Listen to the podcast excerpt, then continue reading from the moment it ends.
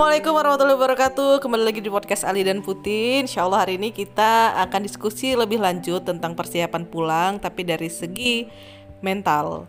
Di mana yang sebelumnya di persiapan Apa sih yang maksud dengan eh, persiapan mental?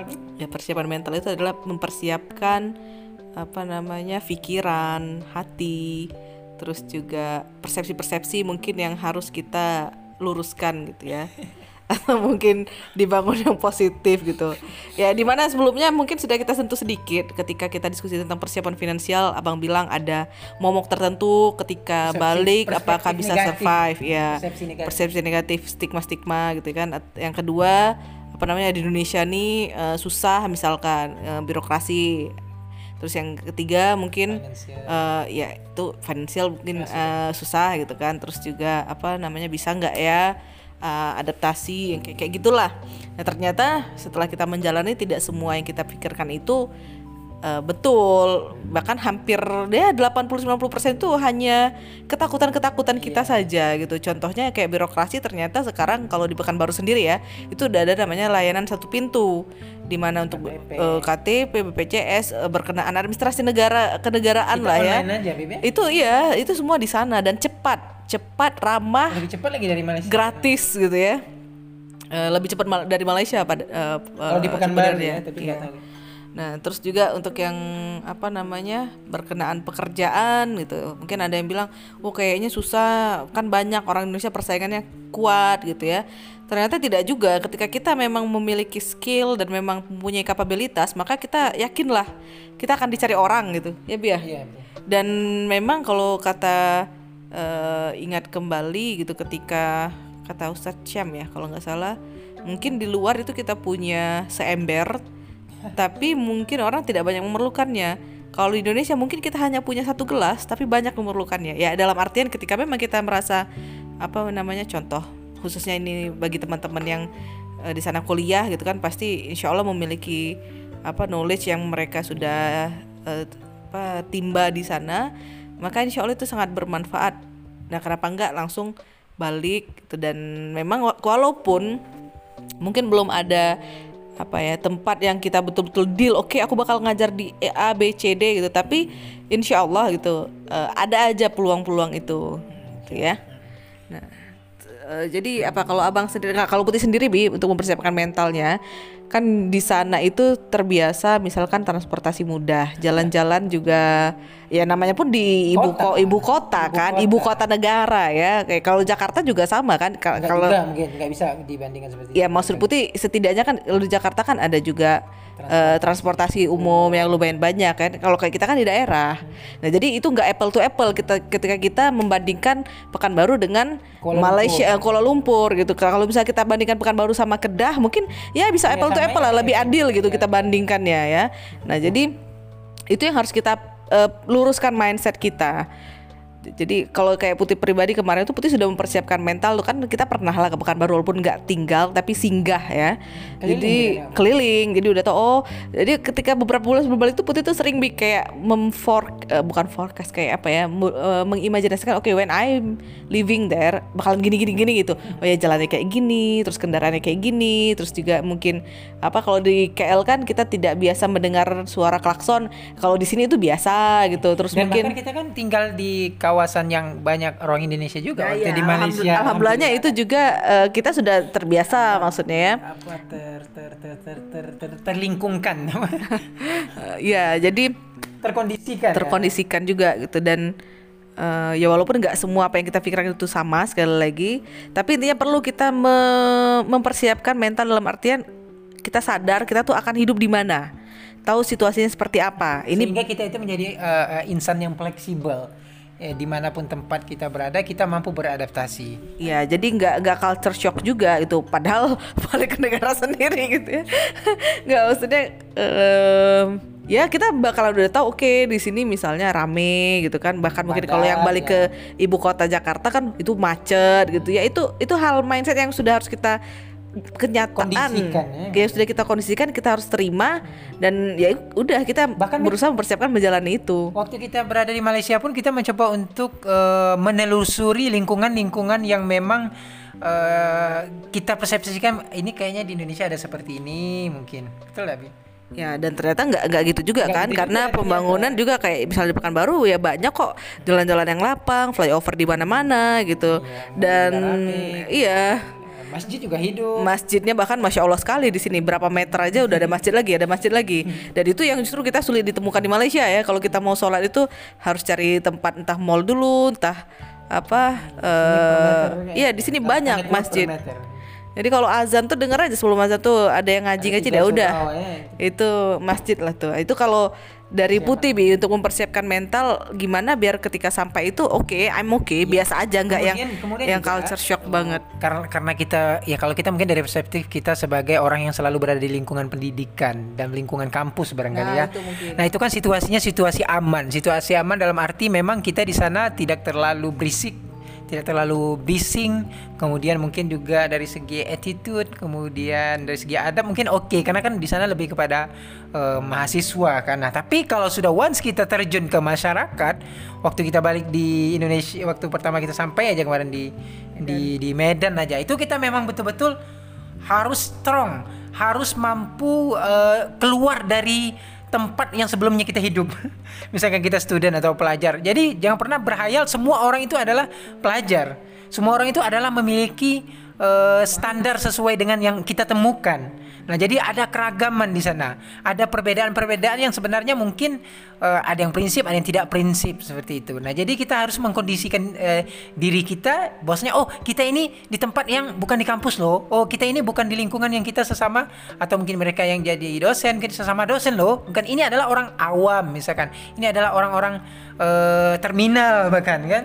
Eh, bukan kita mengatakan eh, dari sisi negatif dari mereka tapi memang caranya tentu berbeda dengan kehidupan kita yang mungkin di lingkungan yang kondusif. Nah, misalkan kita yang berada di Kuala Lumpur itu kan lingkungannya kondusif semua. Kondusif dalam arti eh, di Kuala Lumpur.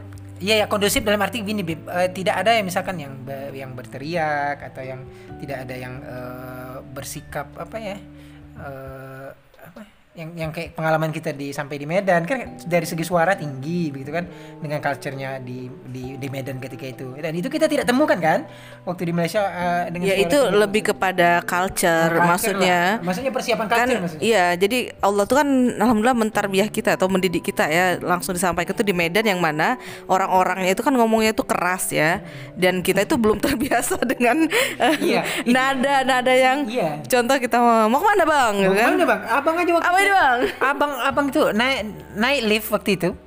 Jadi ada ada petugas. Pada petugas itu memang dia Ketika ramah, karantina ramah, ya? Iya di karantina. Dia memang ramah. Tapi waktu abang masuk ke dalam eh, apa eh, li- tangga lift, mau ke mana bang? Terkejut abang. Padahal dia resepsionis tuh bib. Oh jadi setelah itu abang mengkondisikan abang. Oh iya ya ini kan eh, Medan. Medan. jadi ada orang sebutkan Allah, Allah katakan begini, Beb.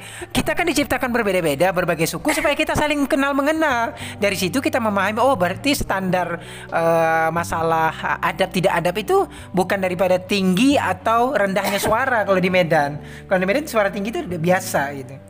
Iya, jadi kan ada ungkapan ini Medan bang gitu kan. Nah, itu maksudnya kita temui betul itu. Iya, karena kita tahu ketika dan itulah perlunya kita memahami. Jadi bukan menjudgmental ya. Orangnya sebetulnya ramah dan orangnya itu baik, tapi hanya nadanya saja yang lumayan tinggi sehingga mungkin eh, sebagian kalau memang yang tidak terbiasa akan kaget gitu kan.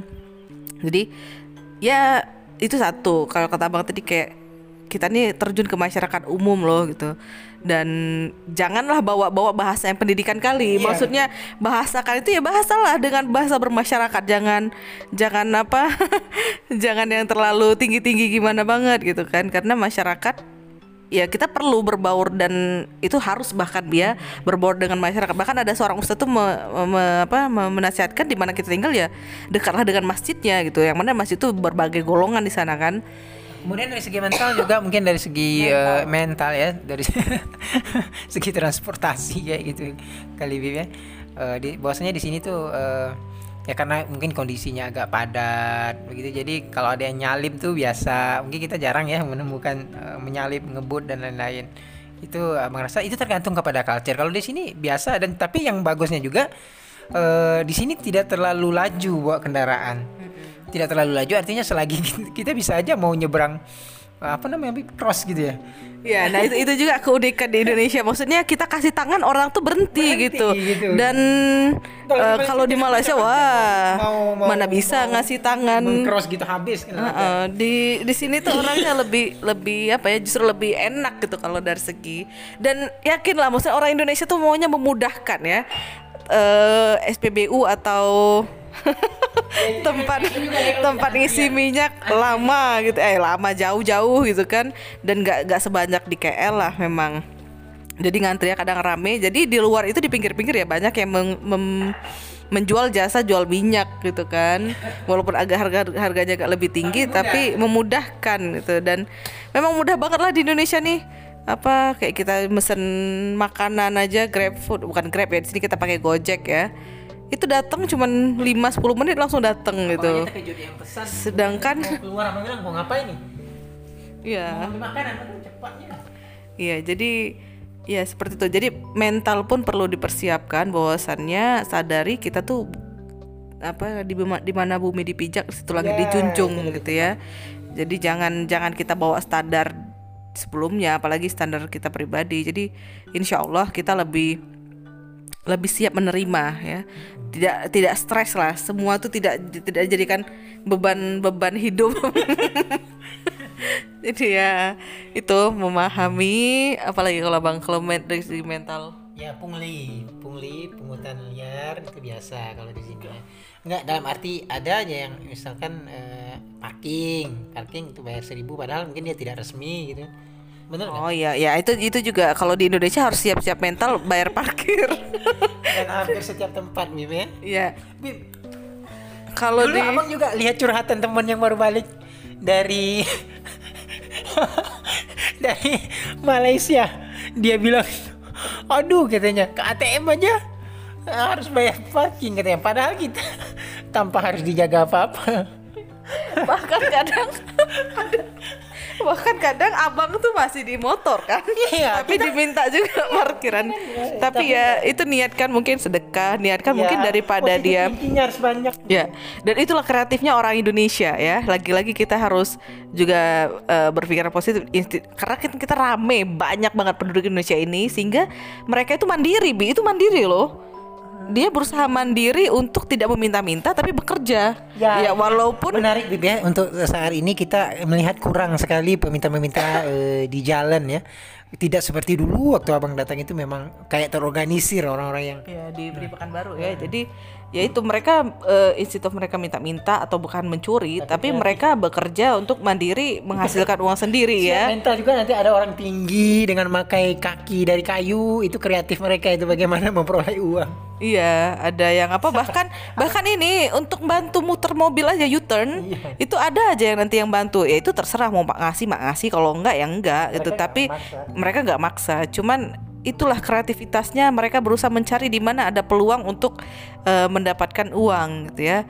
Dan banyak lah gitu ketika kita ke sini nih keunikan-keunikan eh, tingkat tingginya kreativitas Indonesia tuh terlihat banget kalau di pasar tuh ya kalau di Malaysia kita susah ya mau beli apa namanya? Jahe bumbu dapur lah dibilang. Kalau awal saya Di sini saya di iya saya di Malaysia tuh saya eh, ada bumbu dapur. Bumbu dapur apa? Orang bingung kan. Justru dipisah-pisah. Jahe sendiri beli kunyit sendiri. Kalau di sini bisa mau apa 2000 cuman. Itu udah komplit Berapa serai juga? segala yang macam gitu. bisa. Nah, itu yang kerennya ya di Indonesia nih salah satunya. Jadi banyak hal yang apa mungkin orang berpikir gimana gimana justru ternyata kita terkagum-kagum gitu. Itu mungkin Abang ada tambahan? ya mungkin itu cukup karena sekarang sudah azan zuhur ya kita Iya. stop dulu ya Oke, jadi insya Allah kita akan ngomongin tentang persiapan packing, eh packing, Oh iya, persiapan Ya, persiapan fisikal ya, lebih kepada gimana kita bukan mempersiapkannya. tubuh bukan kesehatan dulu jadi packing barang ya packing dan juga langsung lah nanti kita ngomongin physical kita seperti apa yang harus kita persiapkan. Itu insya Allah nggak terlalu banyak sih. Eh, insya Allah di podcast part ketiga berkenaan pindah ke Indonesia. Oke assalamualaikum